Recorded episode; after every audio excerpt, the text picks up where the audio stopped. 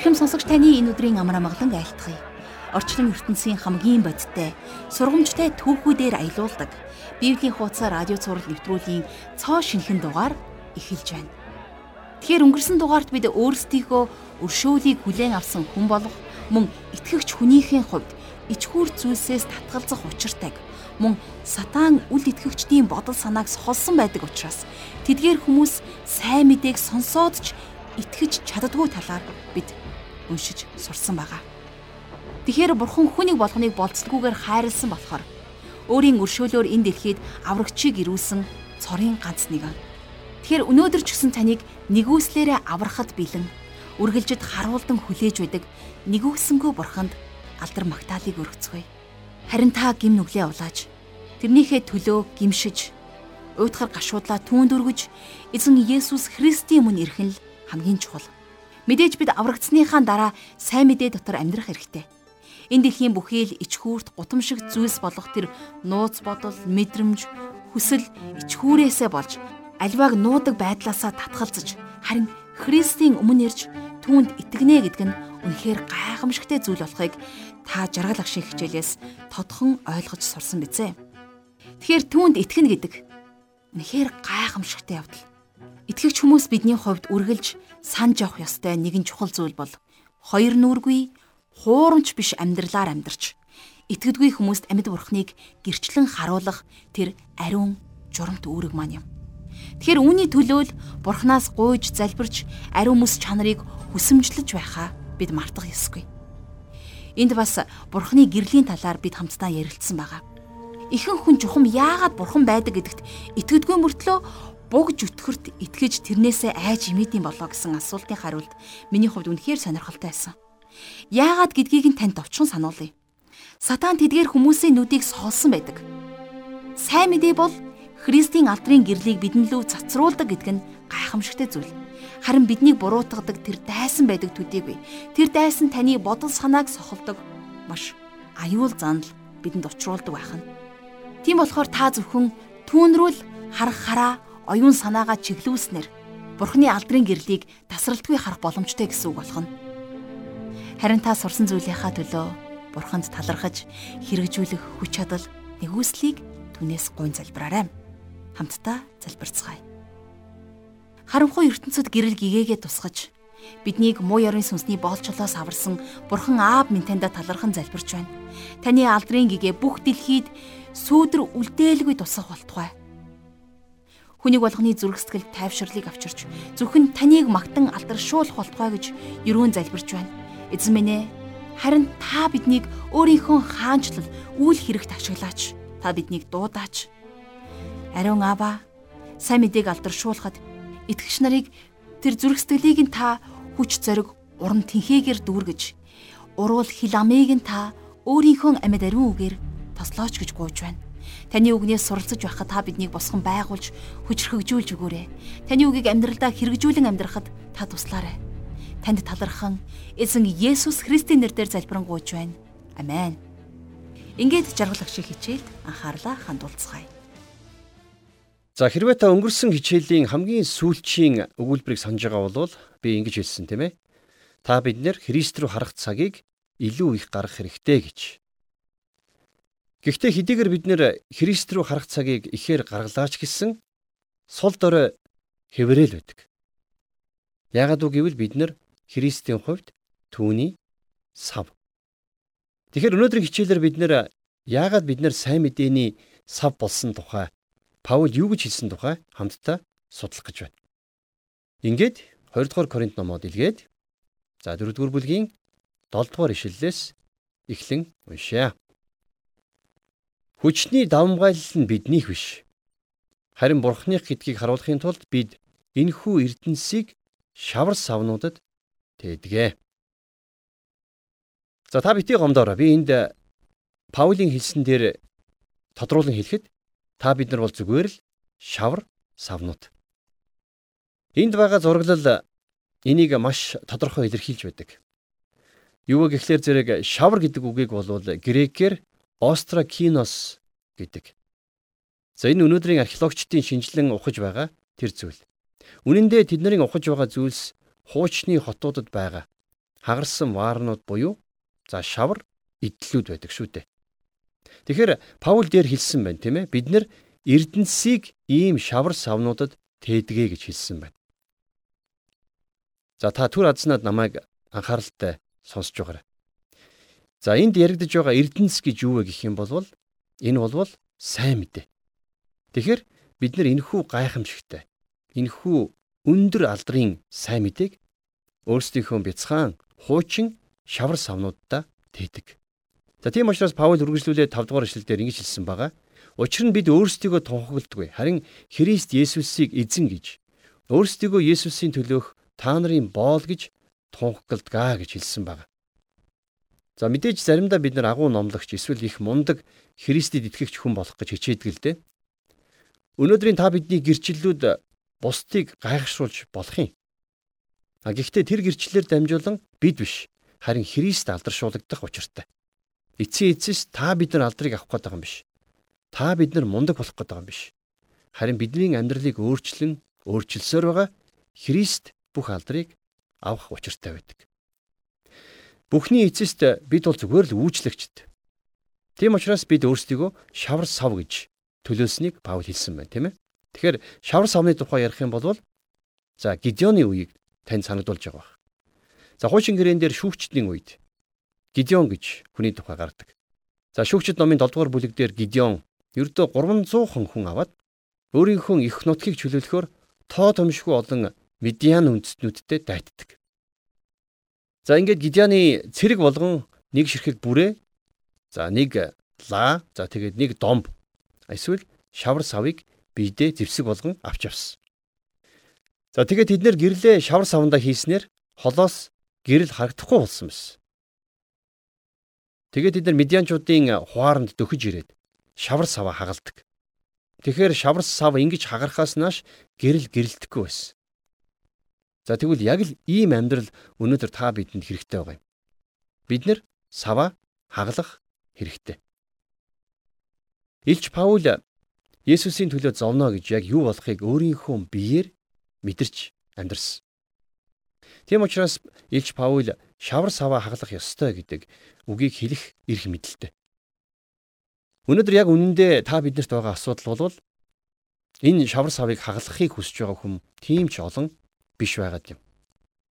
Нэгэн хүн ингэж хэлсэн байдаг. Хин нэгэн мэдлэхэд хин нэгэн төрхийн зовлон идэлж байдаг. Дахин төрхийг хүсдэг хүн тийм ч их байдгүй нь төрхийн зовлон идэлхийг хүсдгүйтэй холбоотой юм а гэж. Их оновчтой хэлсэн байгаа биз? Бид нар өнөөдөр маш их гэрчлэлүүдийг сонсч байна. А гэхдээ ямар төрлийн үн та итгэлийнхээ төлөө төлөхийг хүсэж байна гэдэг бол үнэхээр хамгийн том асуулт юм. Хин нэгэн хүн таны хаалгыг тогшоод гэрт чинь зочлох хангалтгүй. Харин тэр хүний төлөө юу хийх вэ гэдэг амьдрал, замнал биднийг уриалан дуудаж байна. Тэм учраас сайн мэдээний төлөө бидний шавар сав хагарах ёстой гэж Паул энд хэлсэн байна. За 8 дугаар ишлэлийг үргэлжлүүлэн харах юм бол бид нар бүх талаараа дарамтлагдавч няцардаггүй, сандардагч цөхөрдөггүй. За энд Паулийн хийсэн нэгэн гайхалтай харьцуултууд гарч байна. Тэр юу хэлж вэ гэхээр бид нэр дарамтанд ордгоо гэж хэлж байгаа тийм ээ. А тэгсэн ч гэсэн бид нэр няцардаг вэ гэж. За бид нэр сандралд ордог ч гэсэн бид нэр цөхөрдгүй юм аа гэж Паул хэлсэн байна. Энийг Паул ямар нэгэн онол юм уу эсвэл энэ тэндээс уншсан зүйлээ ярьж байгаа юм биш. Паул өөрийнхөө амьдралын туулсан замнал дурсамжаа ярьж байгаа. Яагад үг гэхээр Паул энэхүү хэцүү хүнд байдлуудаас зөвхөн ариун сүнсний тусламжтайгаар давж гардаг хүн байсан. Үргэлжлүүлээд Паул хэлэхдээ хавчигддагч хаягддаггүй, зохигддагч мөхдөггүй гэж хэлсэн байна. Паул өөрийнхөө Христ итгэсэн тэр мөчөөс эхлээд байнгын хавчлаханд ордог байсан. Дайснуудаа мөшгөгдөж, мөрдөгдөж, хөөгдөж, туугддаг байсан. Паул шоронд байхдаа Филиппо хотынд зориулна загтал бичсэн байна. Тэрхүү загталтаа ах トゥ нараа миний нөхцөл байдал сайн мэдээнд илүү дэвшил болж байгааг та нар мэдээсэй гэж би хүсэж байна. Миний хүлээс Христийн төлөө байгаа нь захирагчийн бүхэл ордонд болон бусад бүгдэд илэрхий болвоо гэж. Тэгэхээр хамгийн гутранг нөхцөл байдлууд хүртэл Паулд давуу тал болж байсан гэдгийг Паулинд маш тодорхой бичсэн баг. Энэ бүхнийг тэр яах гэж хийж байсан? Энэ бүхнийг тэр сайн мэдээний төлөө эргүүлэн ашиглаж байсан. Шоронд байхдаа хүртэл Паул эзэн өөрийнх нь талд байгаа гэдгийг хэлж чадаж байсан, тийм ээ? Цохогддогч мөхдөггүй гэж Паул хэлсэн байгаа биз? Үнэндээ болвол Паулийн дайснууд түүний бие рүү халдаж түүнд маш олон удаа хурж байсан. Гэвч тэр үхээгүй. Тэгэхээр тэр цохогдож байсан харин үхээгүй юм а гэдгээ хэлж байна. За мэдээж ийм зовлон амьдралынхаа эцсийн мөчөд ч гэсэн Паул Тимотед бичгтээ би замаа дуусгасан гэж бичиж байсан тийм ээ. Тэгэхээр Паул танд ялагдах тулалдаанд оролцож байгаа мэд санагдаж байгаа. Энэ хүн танд маш сул дорой мэд санагдаж байж болох юм. Гэхдээ тэр сул дорой байхдаа хүчтэй байдгаа гэж өөрөө хэлсэн байна. Паул Ромын хүчрхэг гүрний эсрэг хинч биш байсан. А гэхдээ Паулийн хүмүүс тунхагласан сайн мэдээ Ромын эзэнт гүрнийг унгасан байдаг. Түүгч Гибон гэж хүн Ромын эзэнт гүрэн сайн мэдээний эсрэг зогсож чадаагүй гэж хэлсэн байна. Тэм учраас хэдийгээр Паул сул дорой мэд санагдаж байгаа ч гэсэн Бурхан тэрнийг дахин дахин хүчрхэгжүүлж илгээж байсан. Бурхан ийм замаар өөрийнхөө үйлчлэгч нарыг хизээч орхитгүй. Бид нар өнөөдөр хоорондоо тохиролцож, зөгцөж хүнийг хэр алдартай вэ гэдгээр нь эсвэл хитэн найзтай вэ гэдгээр нь дүгнэж харьцдаг. Яг л ийм нийгэмд амьдарч байна. За тэгвэл нэгэн алдарт номлогч болох Боб Шулер гихч хүн хэлэхдээ би хүнийг хитэн дайсантайгаар нь дүгнэдэгэ гэж хэлсэн байдаг. Энэ их гүнзгий бодол шүү, тийм ээ. Хэрвээ та бид нар Есүсийг хайрлаж түүнийг дагах юм бол энэ ертөнц биднийг лавтаа үзэн яд болно гэдгийг Есүс өөрөө ч гэсэн хэлсэн. За тэгвэл Паулд ийм төрлийн дайснууд зөндөө байсан. За та бидэрт бүгдээрэнд нь сайн мэдээнээс болоод биднийг буруутгадаг тийм хүмүүс зөндөө байгаа хаа гэж би бодож байна. За үргэлжлүүлээ 4-р бүлгийнхээ 10-р ишлэгийг уншъя.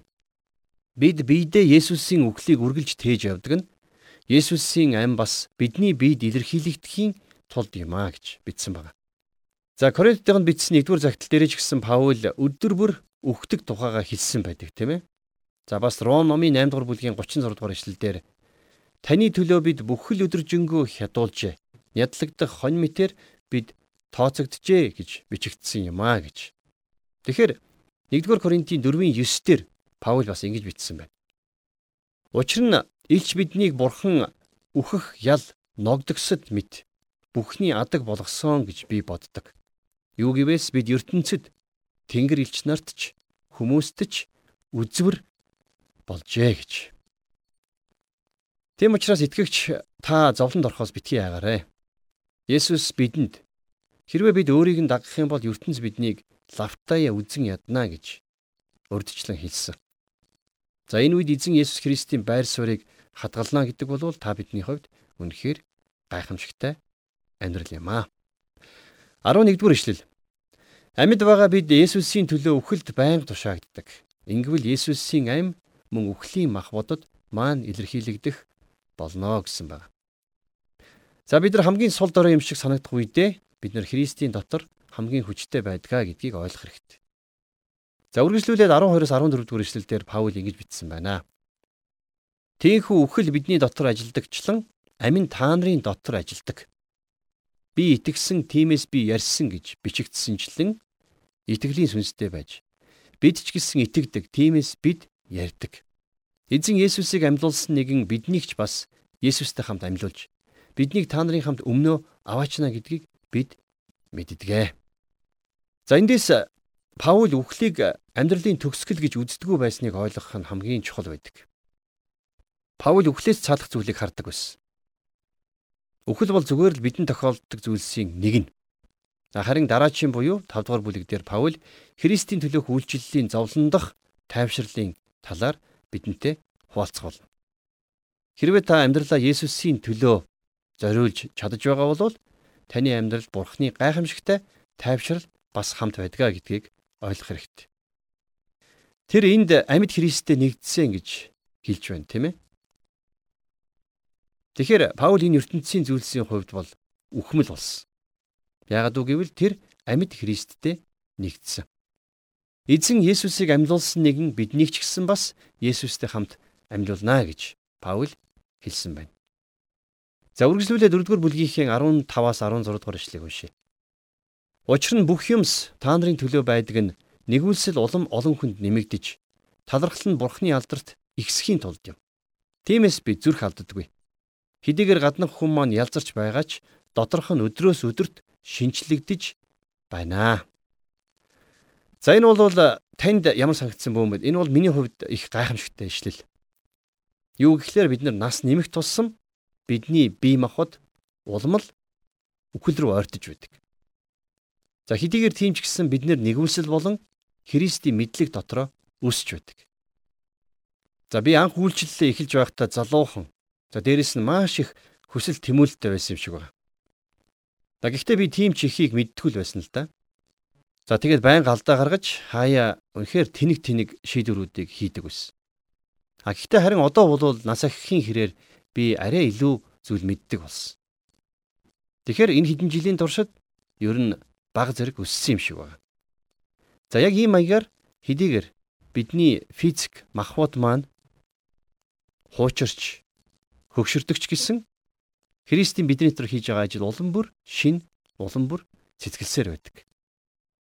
За үргэлжлүүлээд 17-оос 18 дугаар ишлэлийг уншийе.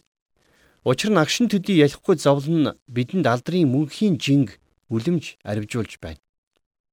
Бид үзэгдэх юмсыг бус харин үл үзэгдэх юмсыг хардаг. Учир нь үзэгдэх юмс бол цаг зуурынх харин үл үзэгдэх юмс мөнх билээ. За энд Паул дахиад нэг харьцуулт хийсэн байна тийм ээ.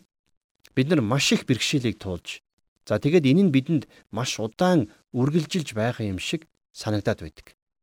Тун хэцүү санагддаг тийм ээ. А гэхдээ бид нар энийг ирж байгаа алдартай харьцуулах юм бол энэ нь тун ялахгүй зовлон байдаг юм байна.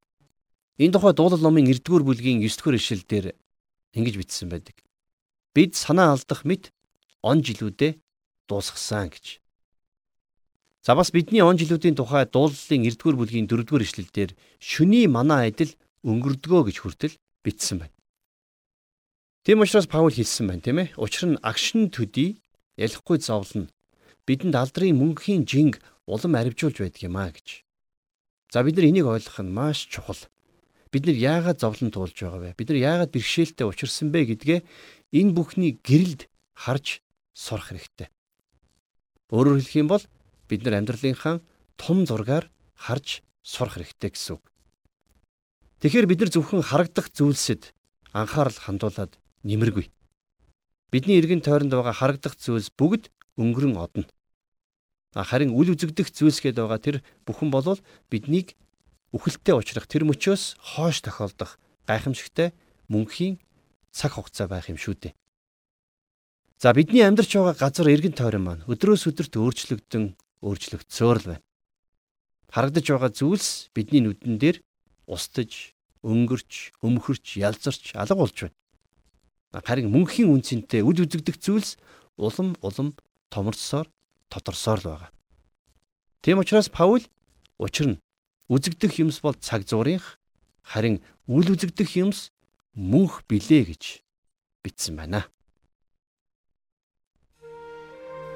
Тэгэхээр бидний мөхс байдал Бурхны жинхэнэ хүч чадлаар өөрчлөгдөх болно гэдгийг бид өнөөдрийн хичээлээс суралцлаа. Өөрсдөө сайн мэдээг тээсэн шавар сав гэдгийг сонсоод танд төрсэн бодол чухам юу вэ? Мэдээж бид саваа хагаснаар Бурхны хүсэл биелэгддэг. Миний сэтгэлийг гонигтай болгодог нэг зүйл бол итгэгч хүмүүсийн гаднах байдалтай хит их анхаарч эхэлсэн тэр явдал. Гэтэл энэ хичээл бидэнд маш чухал зүйлийг сануулж хэллээ. Юу гэхээр гаднах хүн маань ялзарч байгаа ч гэсэн харин доторх хүн маань өдрөөс өдөрт шинжлэгдэж байх ёстой гэсэн үг. Тийм ээ бидний үзэгдэх юмсыг биш харин үл үзэгдэх юмсыг харж амьдрах ёстой. Бид тийм л үүрэгтэй хүмүүс. Бид бол зүгээр л шавар сав. Бид Бурхны алдрын сайн мэдээг өөрсдийнхөө бяцхан хуучин шавар савандаа тийдэг тийм л онцгой хүмүүс. Тэгэхээр миний гэрчлэлээр дамжуулан эзэн Есүс Христ маань алдарших ёстой гэдгийг улам гүн гүнзгий ухаарах нь үнэхээр гайхамшигтай байлаа. Харин бид энэ савыг харлах хэрэгтэй. Ягаад гэхээр бидний бурхан сул дорой савыг ашиглаж ялалтыг авчирдаг нэгэн. Сул дорой байдал таныг хүчтэй болгодог. Өөрийгөө хинч биш гэсэн бодлоосоо яг одоо ухарч эзэн бурханд хэрэглэгдэх шавар сав болоорой гэж би таныг юрөөж байна. Энд нэг зүйлийг онцгойлон хэлэхэд жаргал агш маань зөв дайсантай болно гэсэн нэгэн чухал зүйлийг хэлсэн шүү дээ. Хэрвээ бид Есүсийг хайрлаж түүнийг дагуул энэ ертөнц биднийг үтсэн ядах болно. Надад зөв төрлийн дайснууд байдаг гэдэгт итгэлтэй байна гэдэг үг надад маш гүн гүнзгий сэтгэл төрүүлсэн. Тэгэхээр та ч гэсэн энэ үгнээс урам зориг авч зөв төрлийн дайснуудтай болох хэрэгтэй. Энэ нь та өөрийгөө Христэд бүрэн зориулж тийхүү ихэсний нэгэн гэрчлэл юм. Тэгэхээр өнөөдрийн хичээл маань энэ хүрээд өндөрлөж байна. Сурсан болгоныхоо төлөө түүний өмнө очиж хамтдаа талархаж залбирцгаая. Мөхөс сул доройг тэтгэж тэнхрүүлдэг нэгүүлсэнгүй бурхан аав минь та намайг хүчрхэгжүүлэн утга учиртай амьдралаар амьдруулж замчилдаг таньда талархан залбирч байна. Өнөөдөр надад байгаа мөхөс байдлыг та өөрийнхөө төлөө ашиглаарай аваа. Учир нь таны хүч чадал бидний мөхөс сул дорой байдлыг төгс төгөлдөр болгодог. Тиймээс бид мөхс байдлаа таны хүүгийн өмнө хүлээн зөвшөөрч өргөж байна. Та биднийг нуун далдлах эсвэл өөрийн хүч чармаалтаараа хүчрхэг болгох гэж оролдохоос хамгаалж өгөөрэй. Эзэн минь ээ таньда талархан залбирч байна. Өдөр болгон бидэнд үгээ өгч, биднийг тайвшруулж, хүчрхэгжүүлж, зоригжуулж байдаг таньда талархан залбирч байна. Бид таны гэрлийг харуулахын тулд өөрсдийн саваа хагдах тэр зүрх зоригийг итгэл найдварыг бидэнд өгөөрэй мөн бид үзэгдэх юмсыг биш харин үл үзэгдэх юмс болох таны хаанчлалын алдрыг харж амьдрахад та туслаарай. Бид өөрсдийн саваа танд даатгаж эзэн Есүс Христийн нэрээр залбирanгуйж байна. Амен.